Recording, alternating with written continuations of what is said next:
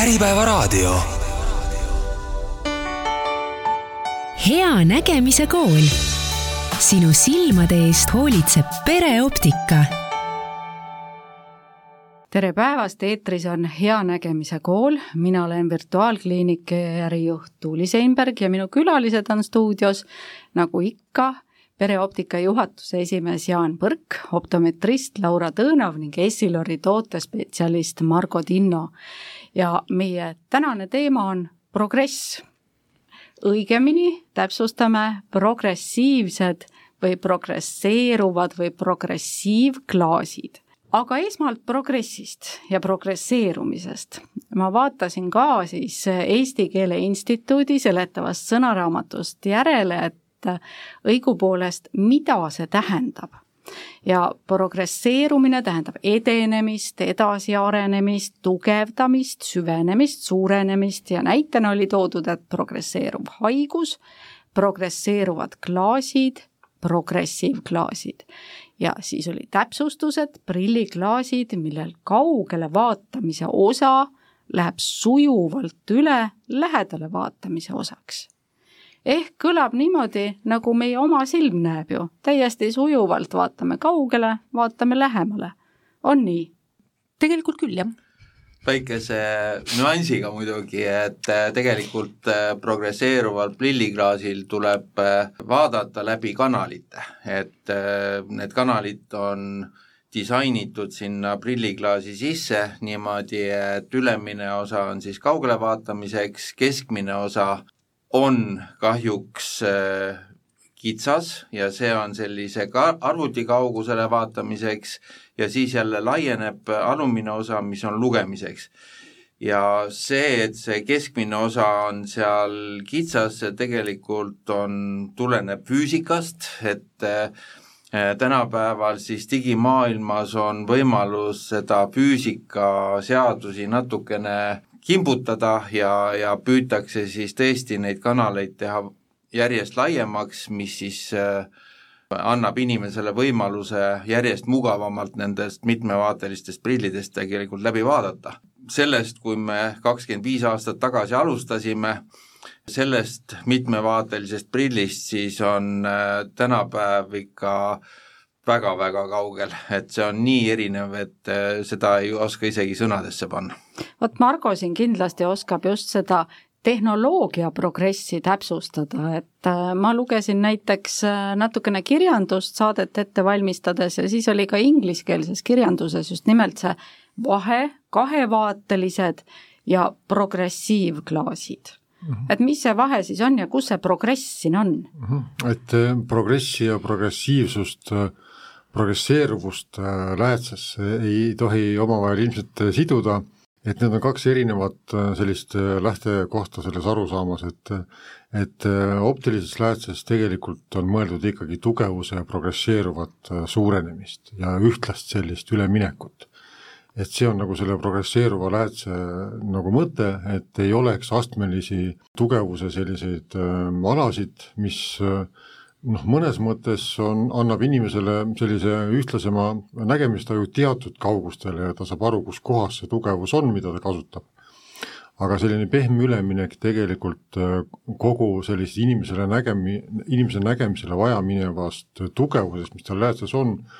annab talle tegelikult äh, loomulikuma enesetunde ja sellise füsioloogilises mõttes ka loomulikuma silma ja pea vahelise sellise töö, et need alad üles leida. nii et,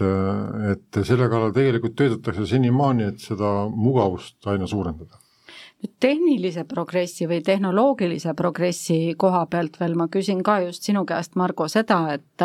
mõni aeg tagasi selliseid võimalusi üldse ei olnud ju. see ei olnudki nii ammu, meil olid miinusprillid ja meil olid plussprillid ja oli kõik ei olnud siin mingisugust progresseerumist ei, ei siis sellises füüsikalises mõttes ega ka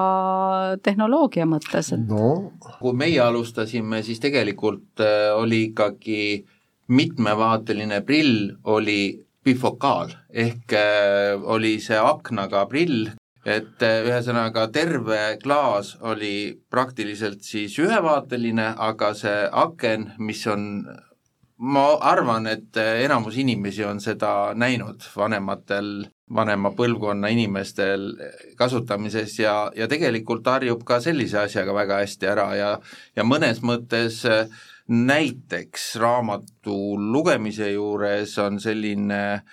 aken, kus kohas on kindel tugevus küllaltki mugav, et, et ka bifokaalsel prillil tänapäeval on oma koht. jah, et noh, tegelikult see bifokaalne iseenesest äh, on lihtsalt teatud ajajärgu selline optiline saavutus, mis äh, iseenesest on küllaltki noh, keeruline, et seesama, et, et see teise murdumisnäitajaga läätse,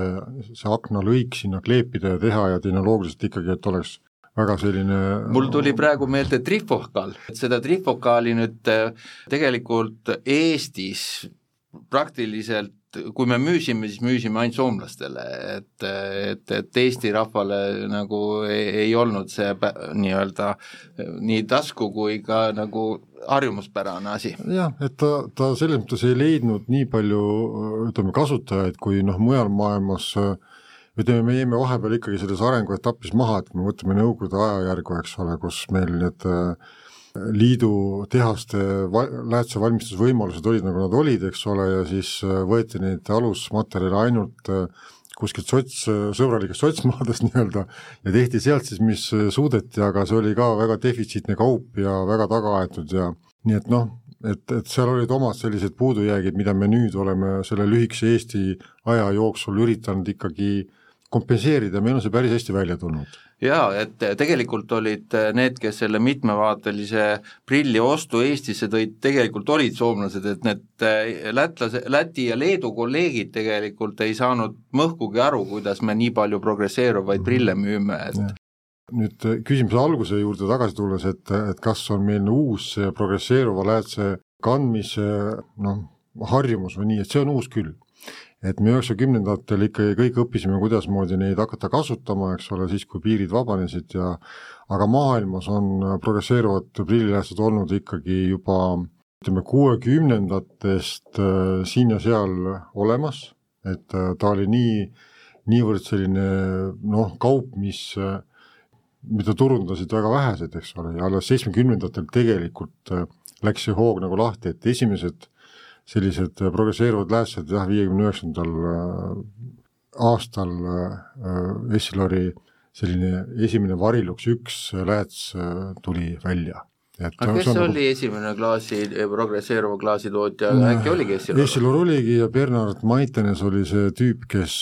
kes selle läätse tüübi välja mõtles ja, ja siis noh, paljud nii Sais kui, kui ütleme seal ka Hoiad, eks ole, kasutasid neid äh, läätse alus äh, ideestikku või alus, ütleme sellist klaasi baasi selleks, et oma läätsi teha, kuni nad ühel hetkel kõik hakkasid omi tegema, nii et seal on hästi kirju ajalugu kogu palju õnne! Aga kuhu see progress võiks edasi minna, et prillikandjana, kui unistada lihtsalt, siis võiks mõelda niimoodi, et võiks ju olla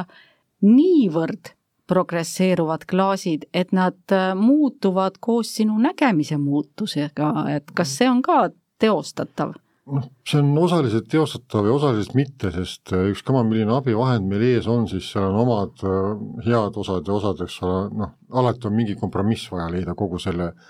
et oma silma ei asenda tegelikult mitte miski, mis on terve tegelikult kipub niimoodi olema, et see, mida inimmõistus suudab välja mõelda, et -hmm. kuidas ta võiks olla -hmm. et see kipub nagu toimima mm -hmm. mingi, mingi aja pärast, nii et, et see on sama nagu meie telefoni teema praegu, et et siin, mida, mida nagu tehakse, on see, et äh, üritatakse leida optikas ja, ja noh, kogu sellises äh, inimese ja, ja, ja füüsika ja füsioloogia ja füüsika vahelises seoses selline harmoonia, et, et no ütleme, lääts on ju see, et kus sul optika ei muutu, et ta on sul sees, sa vaatad ise läbi selle optika, otsid need õiged kohad, mida sa kasutad, aga ütleme, et kogu see virvarr, mis selles läätses on, kõik need tugevuste erinevused ja kõik, mis seal sees on, suund on selles, et, et see tugevuste erinevus, mis läätses on, segaks inimest võimalikult vähe. ja tähendab see seda, et seda optikat annab veel palju-palju paremaks teha sellistes äh, fikseeritud olukorras, nagu ta läätses on, et ta ei muutu, äh, see optika läätses äh, nägija vajaduste järgi, vaid me ikkagi vaatame läbi selle optika ja otsime selle koha, mis meil vaja on aga et ta ühel hetkel võiks olla nii loogiline meie nägemismeelele ja mõistusele, et me sisuliselt ei saa nendest üleminekutest aru, et sinna on veel noh, ütleme selles suunas minnakse ja seda optikat parandatakse kogu aeg. Teie uus klaas XR äh, tegelikult mm -hmm ma kinnitan, et praktiliselt lubab niimoodi elada, et sa ei saa aru, kust kohast sa vaatad ja, ja, ja kõik kaugused on hästi mugavad ehk siis see Eesti Keele Instituudi sõnastikus öeldud sujuv üleminek on tõepoolest ka sujuv. ja jätame siis meelde, head kuulajad, oktoober kaks tuhat kakskümmend kolm sai sõnastatud soov, et prilliläätsed võiks kohaneda koos meie nägemise muutusega. vaatame siis, millal Essilor selle soovi täitmiseni jõuab aga läheme nüüd ka selle progressi vastaskülje juurde, ehk siis, et neid häid läätsi prilliläätsi kasutada, peab olema ikkagi mingi probleem, mida nad lahendavad. ja täna me liikusime hoopis niipidi, et kõigepealt rääkisime natukene sellest heast lahendusest nii-öelda isu tekitajaks ja nüüd räägime ka sellest, et äh, milliseid probleeme see siis tõepoolest lahendab ja, ja millal seda kanda et kui me räägime nüüd nelikümmend pluss vanusest, siis me oleme siin läbi saadete rääkinud, et kuidas sellised kummalised füüsilised vaevused hakkavad kimbutama, käed on lühikesed, tahad midagi lugeda, pead äh, teksti endast nii kaugele viima, kui vähekenegi saab. räägime natukene lähemalt, et mis siis toimub selle nägemisega keskeas ja millal peaks just mõtlema selle progressiivklaasi võimaluste kasutamisele et äh, vaatamata sellele, et mis tugevused inimesel on olnud sinna kaugele vaatamiseks, siis tegelikult neljakümnendates eluaastates algab silmaläätse hägustumine, äh, mida siis tegelikult põhjustab äh, proteiinide lagunemine ja kokkukleepumine meie silmaläätses. ja selle tulemusel ei ole see silmalääts võimeline oma fookust kaugele ja lähedale enam nii hästi muutma ehk siis silmalääts on selline läi- äh,, jäik. Ja selleks on siis inimesel vaja erineva tugevusega prille, kaug- ja lähidistantsile. Huh, see silmaläätse hägustumine ja valkude lagunemine kõlas väga, väga ohtlikult ja koledasti, et ma peaaegu nagu füüsiliselt tunnen, kuidas need valgud praegu lagunevad silmas. aga ikkagi on niimoodi, et mõnel inimesel need nii kiiresti või nii hullusti ei lagune et äh, millest see siis sõltub? Äh, seal on tegelikult erinevaid äh, põhjuseid, miks mõnel inimesel tekib see lähiprilli vajadus kiiremini kui teisel. üks põhjus on näiteks tervis, on ka täheldatud UV-kiirguse mõju, mis siis tekitab seda läätsehägu. üldtervis, erinevad siis äh,, erinevad haigused, diabeet, kõrgvererõhutõbi. ta võib ka olla siis selline kõrvaltoime erinevate ravimite tarbimisel. aga kui nüüd läheneda matemaatiliselt, et äh, me kõik teame, et kui on miinus üks ja siis sinna tuleb pluss üks peale, siis matemaatiliselt annab see välja ju nulli ja nägemine peaks olema korras. tegelikult nii ongi, et äh, kui on inimesel olnud äh, kaugprillid, seal nii-öelda siis noorusajas, siis tegelikult lähedale vaadates hakkab see miinustugevus siis vähenema Äh, ja samuti võibki olla nii, et äh, kaugele vaatamise siis see refraktsiooni viga ehk siis miinus seal neljakümnendates ka väheneb. aga jah, väga hea kokkusattumus on ka see, kui on kaugele selline pisike miinus ja lähedale vaatamiseks siis tegelikult ei vajata üldse prille.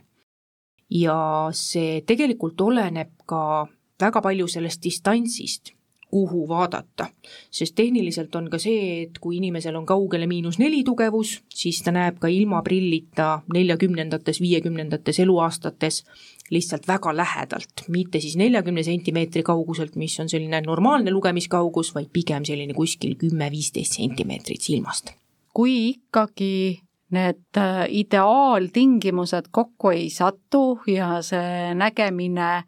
vajab korrigeerimist siis mis hetk on see, kus peaks nüüd otsustama, et vot mul see senine lahendus enam ei sobi, et mul oleks vaja seda kohanduvat, sujuva üleminekuga progressiivklaasi? see tegelikult on hästi-hästi individuaalne, et äh, nii nagu öeldud, siis enam-vähem neljakümneaastaselt see nii-öelda lähitoe äh, vajadus sinna prilli tekib aga mõni inimene tõesti ei tule isegi selle peale, et see lähilisa vajadus on tekkinud. Äh, enamasti tegelikult see ongi siis, kui on väikesed miinused inimesel või siis ka suuremad miinused ja ta lihtsalt võtab seda prilli eest ära, kui ta vaatab lähedale. hüperoopilise silmaga ehk siis need inimesed, kes kannavad plussprille ka kaugele, neil kipub pigem tulema see lähilisa vajadus kiiremini, sest nemad ei saa teha seda, et võtavad selle prilli eest ära, et oleks nii-öelda teravam pilt. ja tõesti ongi see, et äh, väga individuaalne, olenevalt näiteks töö spetsiifikast, hobide spetsiifikast, et kuhu kaugusele reaalselt inimesel on vaja vaadata. kui tal on vaja vaadata erinevatele distantsidele, ka muuta seda distantsi väga kiiresti ja selle ühe tugevusega siis ka lähedale-kaugele ei näe, et siis tegelikult ongi aeg progresseeruva prilliläätse peale mõelda. et, et siin on äh, lihtsalt lisaks nii palju, et, et progresseeruv prillilääts hõlmab inimese kogu sellist nägemise vajaduse skaalat. et kui meil see, see lähiosa läheb äh, kehvemaks, noh, ütleme kaugosa, eks ole, ka muutub, aga ta mitte võib-olla nii drastiliselt, aga lähiosa läheb kehvemaks ja ühel hetkel inimene tunneb ebamugavust äh, teatud distantsidel, distantsidel äh, noh, toimetada, et ta lihtsalt ei näe, ta peab kas vaatama, noh, tegema midagi, mis ei ole enam nagu loomulik, eks ole et siis see tähendabki seda, et nägemises on mingi probleem ja, ja progresseeruv lääts tegelikult no, või aitab, eks ole, seda, et sa õpid selle läätse ülesehitust tundma, õpid seda kasutama ja saad kogu vajamineva tugevuse jaotuse selles läätses, et oma igasuguse tegevusega üldiselt hakkama saada. ütleme, kui on nagu mingi väga spetsiifiline töö, eks ole, siis teinekord ei pruugi progresseeruv lääts seal hea olla, aga üldiselt kogu nägemisvajadus on selles progresseeruvas läätses olemas no mina oma kogemusest saan ütelda, et äh, kõigepealt oli ikka niimoodi, et jah, et see lugemise osa jäi väga puudulikuks, et seda oli vaja toetada, aga samas autoga sõit või kaugele vaatamine, see oli väga okei okay. ja siis ühel hetkel hakkasin tundma, et äh, tegelikult arvuti kaugus on ka natukene nõrk, aga, aga autoga sõidu juures oli veel kõik okei okay.. et äh, sellisel juhul mina ise hakkasin niimoodi tegema ja julgen ka soovitada, et siis tegelikult esimesed mitmevaatelised prillid tegelikult olid kontoriprillid, kus kohas siis see eh, tugevus muutus vist oli null koma seitsekümmend viis, esimene see muutus, et arvuti kaugusele oli seal üks ja lugemine oli juba seal pluss null koma kakskümmend viis, eks ju, kui kohe nagu harjutada sellise mitmevaatelisusega, siis tegelikult kõik need mitmevaatelised prillid on väga mugavad. aga siin äh, mul tutvusringkonnas on ka inimesi, kes tahtejõuga sunnivad ennast seda äh, nii-öelda prillist loobuma, isegi nad ei kuula seda, et, et ka selle mitmevaatelise prilli sa võid igal hetk eest ära võtta, et äh, see prill ei ole sul sinna ette pandud, sa ainult näed temaga, muud vahet ei ole. aga, aga jah, see seda müüti, et kui hakata lugemisprilli kandma, et siis sa jäädki prilli, prillikandjaks ja et ma ei taha hakata prille kandma, noh, me oleme sellest päris palju kordi nagu rääkinud, aga võime sellest vist üle veel korrata, et see nii ei ole, et see silm, silma ei riku ega ega ei tee seal midagi halba, vaid pigem äh, ta seda väsimust vähendab, mugavust tõstab ja, ja ma toon veel ühe kasuteguri välja, mis ei ole mitte sugugi vähem tähtis, kui sul on üks paar häid prille, mis vastavad vajadustele nii kaugele kui lähedale vaatamiseks, siis on palju väiksem võimalus, et sa oma prillid oled õigel hetkel kuhugi ära kaotanud või maha unustanud. kui sa pead vahetama neid näiteks, et oi, mul jäid lugemisprillid maha või oi, mul jäid need kaugele vaatamise või autosõiduprillid maha või, või need on kuskil mujal, et, et see üks paar on nagu selline ka selles mõttes hea. aga siin on nüüd see nüanss, et äh, kuni selle uue RX tüüpi mitmevaatelise prilliklaasini oli ikkagi progresseeruva prilliga kontoritöö natukene raske, sellepärast et see arvuti kauguse kanal arvuti kaugusele oli kitsas ja ikkagi pidi suhteliselt palju oma pead liigutama sellepärast oli ikkagi kontoriprilli koht kontorilaua peal arvuti kõrval. ja siis, kui ma lahkusin töö juurest, et siis panin äh, sellise igale poole vaatamise prilli ette täpsusta natukene, et äh, kui me võtame siis enamlevinud sellise töövormi tänapäeval, mis on kontoritöö, mida siis sellisel puhul silmas pidada või silma ees pidada? just, et äh, tegelikult optometrist prillide määramisel alati arvestab inimese töö spetsiifikaga eriti näiteks tasub tähelepanu pöörata arvuti kaugusele või kõrgusele silmadest. et Äh, arvutitööl just tuleks jälgida tegelikult seda, et see monitor ei oleks väga kõrgel, sest muidu peab seda pead ülespoole kallutama, äh, et siis progresseeruva läätse lähiosast läbi vaadata. ja tegelikult see tekitab sellise sundasendi, mis omakorda võib tekitada näiteks kaelavalu. Et äh, selline nii-öelda töökoha er-, ergonoomika tegelikult on väga tähtis. et kui on ka fikseeritud selline suur monitor või mitu monitori, siis sel puhul progresseeruv prillilääts pigem ei tööta, siis ikkagi soovitakse eraldi mingisugust äh, arvutiga tööks prilli lisaks aga miks ei tööta, kas see tähendab, et lihtsalt sa pead oma pilku nii palju liigutama, et see vaatab siis sellest valest fookusest läbi. just nii, ehk siis siis, kui seda silma liigutada paremale-vasakule, eriti keskdistantsil, kus siis eeldatavalt see arvuti on, siis see silm tegelikult ei vaata kogu aeg läbi selle kanali. ja kui see silm kanalist läbi ei vaata, siis on see pilt selline moonutatud udune. ja see pigem inimestele ei meeldi no loomulikult, kellele ikka udune ja moonutatud pilt äh, meeldib, eriti kui töö on selline, mis nõuab mitme monitoriga töötamist, see tähendab juba, et seal on mingi teatav detaili täpsus ja, ja mingid sellised asjad mängus.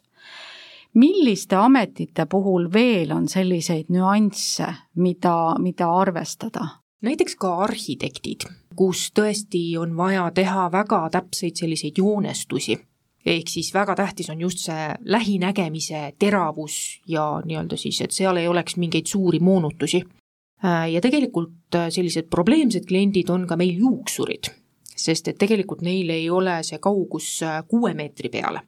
vaid nemad vaatavad läbi peegli klienti, mis on tavaliselt kas neli või kolm meetrit mm. -hmm. seal tuleb siis arvestada seda peeglini ja sealt tagasi seda distantsi. ja samuti ka tegelikult seda nii-öelda lähikaugust, mis ei pruugi olla seal neljakümne sentimeetri kaugusel, vaid oleneb juuksurist, kas ta seisab või ta vaatab ka väga lähedalt seda juuksepiiri näiteks lähedale. mis te siis üldse teete? kuidas te aitate sellist juuksurit? siis seal tegelikult ikkagi on ka erinevad äh, nii-öelda variandid, aga siis enamasti pigem kasutame natuke teise ülesehitusega klaasi, mitte täiesti progresseeruvat, pigem mingisugust kontoriklaasi ja üks amet veel, mis isegi noh, võib-olla mitte nii amet, aga mis tuleb igapäevases elus ette, autoga sõitmine, auto juhtimine. kui mul on olnud nüüd miinusprill, ja tuleb see pluss peale, mis lahendus seal võiks olla optimaalne? Äh, tegelikult on niimoodi, et näiteks Essiloril on spetsiaalsed progresseeruvad autojuhtimise klaasid olemas, kus tegelikult ei olegi lähedale see nii-öelda täislähilisa, vaid on välja arvutatud natuke nõrgem, mis on siis täpselt selle armatuurlaua kaugus. ja samamoodi tegelikult äh, selle autojuhile Äh, nende asetusristide tegemine on ka natukene selline spetsiifilisem siis ütleme nii, sest et ka autojuht tavaliselt ei vaata otse, kui ta sõidab, vaid pigem on see pea natuke rohkem kuklas, mille peale samuti tegelikult tuleb mõelda, ehk siis hobid ja see tööspetsiifika tegelikult on väga tähtis. Et Laura just tõi väga olulise komponendi välja, et, et üks kamamillise prilli ja kui ta on veel ütleme, multifunktsionaalne, seal on ka väga palju selliseid optilisi eripärasid sees, kui noh, ütleme prillid on mõeldud äh, keskmiselt äh, noh, teatud olukorras mingisele, mingile distantsile töötamiseks, mingisuguste objektide nägemiseks, kui need objektid on kas nüüd vales kohas tegelikult või me ise oleme kuidagi teistmoodi, vaatame, noh kas või seesama auto juhtimine, televiisori vaatamine, et, et et ei piisa ainult sellest, kui öelda, et, et ma sõidan palju autoga, eks ole, siis kuidas see on, kas me oleme ikkagi lamavas asendis ja, ja, ja, ja vaatame läbi selle ala, mis on see plussala, mis jääb natukene ette, mis tegelikult kaugnägemist pärsib, et ei ole see pilt enam nii selge, moonutused tulevad sisse, et see on nagu nii oluline teada, et milline tegevus meil tegelikult on see, mis on kõige tähtsam, primaarsem. Ja sellest lähtuvalt siis ikkagi paigutada ja kasutada selliseid optikaid, et et meil see põhieesmärk oleks täidetud ja teised olukorrad samuti oleks täidetud ja mis tegelikult hobina veel on hästi tavaline, on õhtul voodis raamatu lugemine. Ja sellel puhul ka tegelikult see progresseeruv prillilääts ei pruugi olla kõige parem variant, et siis võiks olla selline lihtne lugemisprill tegelikult lisaks. Jah, samas omast kogemusest ütlen, et kasutan, eks ole, ka voodis. Õhtul mõnda huvitava kirjatüki lugemist progresseeruvate läätsetega teen seda juba aastaid, aga vot see ongi see, et, et, et noh, milleks meil mida vaja on, et kus meil mida võib häirida. et seda on vaja tegelikult nagu, nagu noh, uurida ja sellepärast optometristid, arstid, kes ütleme, silmakontrolliga hakkavad tegelema või kui on tegelenud, et et mis nüüd edasi saab, et küsitakse ja arutatakse teemat tähelepanu kõik nelikümmend pluss raadiokuulajad, kui lähete optometristi juurde, siis tasub tõesti väga detailselt ära rääkida, mis tööd teil on igapäevaselt, kui kaugel te mingisugusest ekraanist või enda tööobjektist istute tegelikkuses. sest ka see võib olla erinev, meil on võib-olla mingi standardkaugus, et jah, keskmiselt inimene istub nii kaugel, aga võib-olla mõni teine inimene on harjunud hoopis nõjatuma mõnusalt kuhugi tugitooli ja on märksa kaugemal sellest. ja ka oma hobid kõik ausalt ära rääkida, et, et saada nagu siis selline parim lahendus tegelikult. Mhm. et siin on üks asi, mis on veel, et kui on, on selgeks tehtud see, see, et inimene noh, teeb mingeid, mingeid toiminguid äh, ja, ja millises asendis ta teeb või kuidas ta teeb, et tal on mingid erinõudmised, et siis äh, on võimalik neid erinõudmisi arvesse võtta ja ütleme, nihutada seda läätse niimoodi, eks ole, et, et ta seda mingit teatud tegevust saab äh, hästi teha. aga tavaliselt kannatab siis mingisugune muu tegevus, et kuhu neid tugevusi vaja on, sest me nihutame need nagu paigast ära ja teeme ütleme sellise ebaõige, ebaõige asetuse, eks ole. ehk et kui meil on vaja, eks ole, autoga sõita ja tegelikult me sõidame sellises asendis, kus äh, otsevaatamine on, on ebamugav ja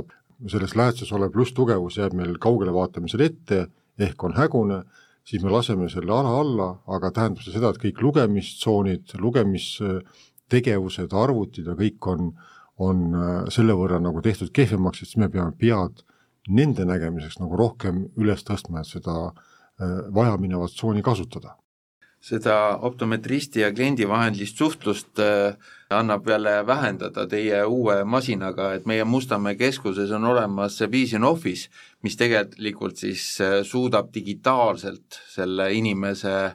pea hoidmise olukorda siis hinnata ja, ja need lähevad siis sealt äh, nii-öelda prillipoest otse Essilori tehasesse ja nende mõõtmete, nende andmete järgi siis tulevad juba täiesti individuaalsed klaasid aga Laura, sa mainisid ühte olulist asja, kui sa rääkisid sellest, et kuidas siis neid prille nii-öelda määratakse või vaadatakse, mis sobib, asendimärgid või asetusmärgid. Ja selgita pisut seda ka, et kuidas see progressiivklaasi määramine on, me rääkisime esimeses pooles, seal on sellised kanalid eraldi mis siis lähevad sujuvalt üle, et oleks selline mõnus ühtlane nägemine, aga kuidas sellise prilli määramine käib ja, ja mismoodi seda tehakse, mis seal need olulised märksõnad on? nägemiskontroll tehakse siis nii kaugele kui lähedale, uurime, mis on lähitöö spetsiifika, kui inimesel see on, mida on kindlasti veel vaja, on monokulaarne silmavahe, mis on siis pupillide kaugus üksteisest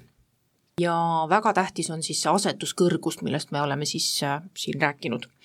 ja see on siis äh, see, kui inimene vaatab otse, sinna peaks siis äh, nii-öelda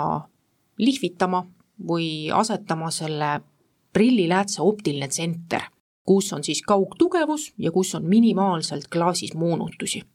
ja see ongi see nii-öelda kõige tähtsam asi, mis tegelikult seal prilliläätse peal siis äh, ära mõõdetakse. ja tegelikult progresseeruval prillil on ka veel lisamõõdistused, mis tehakse. on siis äh, prilliläätse tagumise pinna kaugus sarvkesta tipust, ehk siis kui kaugel meil silmast see prillilääts asub või raam, ka raami kumerus ja mis nurgal see raam tegelikult seal nina peal istub. ja see prilliraami istuvus tegelikult selle progresseeruva prilli kasutamise mõttes on tegelikult väga tähtis. mida lähemal näiteks ta silmale istub, siis seda laiem on see progresseeruva prilli kanal. et tekib selline lukuaugu efekt, et kui me vaatame ukse lukuaugust läbi ja vaatame hästi kaugelt läbi, siis me näeme sellist, selle ukse taga oleva toa sellist ainult väikest osa sellest toast. Kui me läheme lukuaugule väga lähedale, siis me näeme palju rohkem sellest toast, mis seal äh, ukse taga on. sama asi on progresseeruval nii-öelda siis prilliläätsega ja selle prilliga siit jäi mulle kõrva see, et hästi oluline on jälgida järelikult ka oma nende raamide seisukorda, et kui raamid on näiteks veninud või ei istu enam kõrva peal, et üks sang on ära paindunud, siis see tegelikult võib ju lükata kogu selle täpselt mõõdistatud äh, optika seal paigast ära. mitte võib, kindlasti lükkabki. Ja teine asi on ka näiteks äh, isegi mitte selline suur mehaaniline vigastus sellel raamil, vaid kas või ajaga ninapadjad äh, väsivad ära, nad liiguvad, äh, kogu see prill siis liigub tavaliselt seal nina peal natuke allapoole, plast venib välja, kohe on jälle need nii-öelda asetusriistid, millest me rääkisime, see, kus see silm peaks olema sees, kogu see asi tegelikult liigub allapoole. Ja see nägemise kvaliteet ka selles mõttes siis kindlasti kannatab. kogu see prilliläätse ehk progresseeruva prilliläätse, kus on väga palju optilisi alasid, mis peavad täpselt töötama inimese jaoks, sest nad on, need alad on mõeldud teatud äh, distantsidele, et äh, kuidasmoodi inimene vaatab, ja alati on võetud arvesse sellist keskmist äh, resultaati, noh ütleme noh, et, et äh, keskmiselt üks kalle inimesele, kus ta saab vaadata nii hästi kaugele kui lähedale, et, et see optika töötab nagu väga hästi. kaugus on oluline, raami kumerus on oluline, et kõik need asjad, eks ole, nii kui sealt midagi nüüd valesti läheb või muutub, siis see optika juba enam ei tööta hästi, aga inimestel on see komme, et nad, e-, ega seda noh, kui juhtub mingi probleem sellele, selle prilliga, et ta läheb kõveraks, et noh, siis on vaja ta nagu korda teha, kui ta vaikselt läheb ära kogu aeg, siis inimene kohaneb ja vot pärast siis, kui, kui on nina peal tekkinud hoopis teine koht ja teine tunne, kus see prill olema peab ja siis, kui hakata teda uuesti panema sinna, siis on nagu raske seda noh, veenmistööd teha, et, et ta peab olema õiges kohas, see uus prill uute läätsedega. et inimesed harjuvad igasuguste asjadega ja harjuvad ka uue prilli, ütleme sellise tugevuste ja, ja asukohtadega harjumisest rääkides, siis see on üks suur ja oluline teema tegelikult on kurdetud selle üle, et see harjumine on väga piinarikas või siis on keegi rääkinud ja inimesed natukene pelgavad seda. ja need sümptomid, mis siis sellel harjumisperioodil võivad olla, on niivõrd erinevad olnud, enamasti kaevatakse, et tekib isegi selline iiveldustunne, mingi pearinglus kerge selline tasakaaluhäire, võib-olla peavalud, et on see asi siis nii hull, et Margo, sa enne mainisid sellises omavahelises vestluses, et aju tuleb õpetada mm. siis neid prille kasutama. kuidas me siis äh, seda õpetame niimoodi, et neid harjumise selliseid äh, pahasid kogemusi ei tuleks? vot see harjumine ja see harjumisperiood tegelikult on hästi individuaalsed et see tõesti olenebki sellest, et kui tundlik see silm on. et meil on mõned kliendid, kes panevad uue prilli ette ja ütlevad, et kõik on nii, nagu peab olema, kõik on hästi loomulik. ja on inimesi, kes tõesti ka harjuvad selle prilliga kaks kuud näiteks. ja tegelikult neid nii-öelda harjumisprobleeme ongi selliseid hästi erinevaid, et kas või kõige lihtsam on see, et alla vaadates see pilt ujub. täpselt nii, nagu sa ütlesid, pearinglused, tasakaaluhäired, iiveldus harva ka selline hägune nägemine, eh, mis on pigem, ma arvan, selline kõige tavalisem kaebus. et eriti siis, kui vaadata just sinna paremale-vasakule kanalist läbi ja ka ei leita võib-olla nii lihtsalt üles seda lugemistugevust, mis võib ka olla sellepärast, et võib-olla see prilliklaasi pind on tegelikult natuke liiga suur et äh, kunagi soovitati optikas väga-väga suuri prilli, nii-öelda siis prilliläätsi et see nii-öelda prilliläätse pind oleks hästi suur. arvati, et siis see vaateväli on suurem, moonutusi on vähem. tegelikult pigem on vastupidi. kui see raam on liiga suur inimesel ees, siis on ka väga raske sealt otsida üles seda kõrgust või seda kohta, kus on näiteks see lugemisala sees. ja tegelikult seda rohkem häirib ka see moonutus, mis on seal perifeerias, ehk siis kui selle silmaga jälle vaadata kuhugi sinna nii-öelda kõrvale rohkem tegelikult selle suure prilliklaasi juures ongi selle prilliklaasi kvaliteedil väga suur tähtsus, et selle kitsama raami juures töötavad ka eelmise põlvkonna läätsed, aga selle suure moodsa raami juures on äh, tegelikult vaja tõesti väga kvaliteetset, et, et saada paremat, paremat tulemust. ehk siis siin on ka selline nii-öelda kompromissi leidmise koht siis enda võib-olla moeeelistuse ja siis nägemisvajaduste vahel? tegelikult küll aga harjumisest veel, kas on mingisugused nipid, kuidas seda kergendada või mis te soovitate inimestele? jah, et tegelikult on niimoodi, et see iiveldus ja see vastikustunne pigem tekib siis, kui on vaja vaadata kiiresti erinevaid objekte, ehk siis seda silma hästi kiiresti või pead ka liigutada. ehk siis meie soovitus alati on see, et kõigepealt otsida üles nii-öelda siis see kaugtugevuse koht. see on see, kus tehniliselt on kõige vähem sellist moonutusala, ehk siis sellega harjumine, sealt läbivaatamisega harjumine peaks olema kõige lihtsam. ja siis äh, saab juba üles otsida lugemistugevuse ja ka samamoodi mitte siis, äh, ma ei tea, mingisugust liikuvat pilti näiteks vaadata, mis võib sellist ebamugavustunnet tekitada, pigem selline staatiline paberitekst näiteks kaugele vaadates samamoodi rahulikult näiteks teleri vaatamine, et mitte liikumine selle nii-öelda niivõrd selle harjumisperioodil. ja tegelikult, mis ka natukene aitab selle nii-öelda harjumisega, on siis see, et mitte vahepeal seda vana prilli kasutada. vana prilli või üldse ära võtta, et harjumine toimub ainult siis, kui see uus prill on ees. just. et, et lisan nii palju veel, et, et iga nii nagu ka varem sai lisatud, iga uue optilise keskkonnaga, mis me omale silme ette paneme, vajame me harjumise aega. kui nüüd uus, kas siis esmane progresseeruv prillilääts või juba teine, kus on numbrid muutunud, siis, siis igal juhul noh, me peame sellega kohanema. tuleb võtta äh, need alad, mida me näeme selgelt ja mida me saame kasutada, millest me saame aru, kus nad paiknevad, ja kasutada neid alasid, see, et et ta võib-olla perifeerias äh, kuidagimoodi liigub äh, see optika kiiremini ja ta tekitab vot sellist tasakaalumeele, sellist hälvet, eks ole, et mingisugused fantoomteemad on kuskil ümberringi, et me ei saa aru, mis seal on, eks ole. et tuleb võtta need, need alad, mis on selged ja arusaadavad ja neid rakendada ja lasta ajul, anda see võimalus ajule kohaneda lihtsalt ise, panna need äh, kogu see informatsioon seal peas kokku, ühel hetkel lihtsalt ei ole seda probleemi enam, et ei ole mõtet, eks ole, mõõta neid alasid sellest, siit on udune ja vot nii mitu millimeetrit ja sealt on udune naa millimeetrit, vaid lihtsalt lasta sellel olla, lasta ajul seda teha, ega me aju üle ei kavalda, tema teeb oma töö ikkagi oma ajaga ja lihtsalt tuleb sellesse rahulikult suhtuda. ma ei tea, kas me oleme nüüd inimesed nii hirmule ajanud, et me räägime sellest meeletust harjumisest,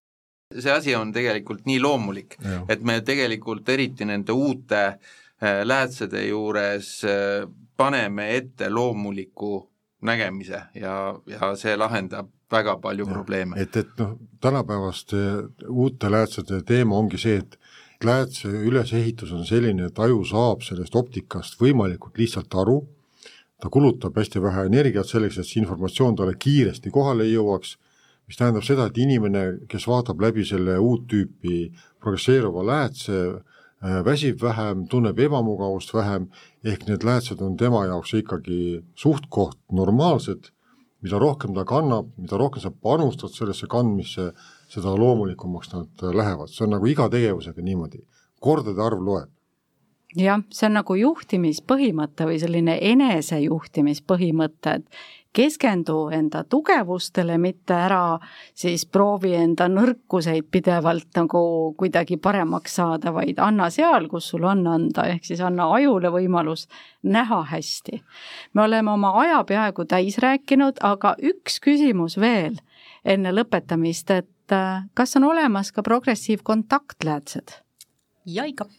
ja kuidas need toimivad samamoodi ja neid võib kanda siis, äh, on samamoodi ühepäevased ja pikemaajalised? just, on ühekordsed ja on kuuajased kontaktläätsed ja tegelikult see kontaktläätse ülesehitus on sarnane äh, selle progresseeruva prilliga. et seal on olemas kaugalad, keskdistantsid ja lugemisalad. progresseeruva prilli või progresseeruva kontaktläätsega on väga tähtis see kontaktläätse istuvus, et ta liiguks seal silma peal väga hästi. Ja see Äh, oleneb ka näiteks äh, valgustusest, mis on väljas, see nii-öelda siis see nägemise kvaliteet, mis selle kontaktläätsega saavutatakse,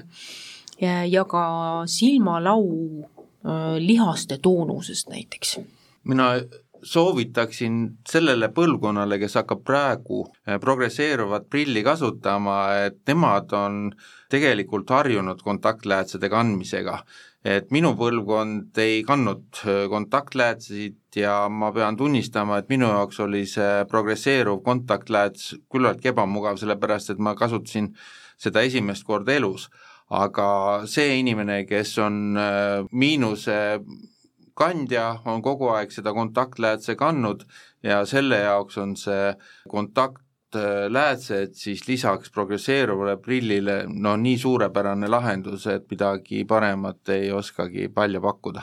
viimane küsimus, kas progressiivklaaside ja siis ka raamide puhul tuleks natukene sagedamini kontrollida ka nii raami kui klaasi sobivust, ehk mis oleks optimaalne intervall minna pereoptikasse Laura juurde? ikkagi üks kord aastas võiks nägemist kontrollida et sellest täiesti piisab. ja kui tekivad vahepeal mingid ebamugavad aistingud, et siis ka igaks juhuks ära käia, et võib-olla on lihtsalt midagi seal raami juures näiteks nihkunud. just nii. aeg-ajalt on vaja lihtsalt prilliraami, noh, ta väsib ära, et tal äh, sangad lähevad laiali, esimene fassaad vajub äh, sirgeks, eks ole, võib-olla noh, sõltub jälle, kuidasmoodi seda kasutada, aga sõltub, milline on materjalid lihtsalt ka ihu, ihusoojus äh, mõjub plastmaterjalidele niimoodi, et ta ikka ajapikku teeb seda pehmemaks ja siis ta on nagu ta on, et tuleb aeg-ajalt ikkagi noh, teha sellist mina inspektsiooni. inspektsiooni, jah. aga mina lisan juurde, et meie prillipoodides kaks korda aastas vähemalt täiendame ja toome uut äh, raami moodi ja äh, prillid on ju väga suur aksessuaari osa me pingutame tõesti selle nimel, et, et meil oleks huvitavaid prille, et me saaksime pakkuda moodsaid ja, ja ka kvaliteetseid ja, ja tuua inimesele kõige parema nägemise. aitäh selle eest! Eesti keel on üks väga ilus keel meil on üks väga ilus ütlus, me hoiame midagi nagu oma silmatera.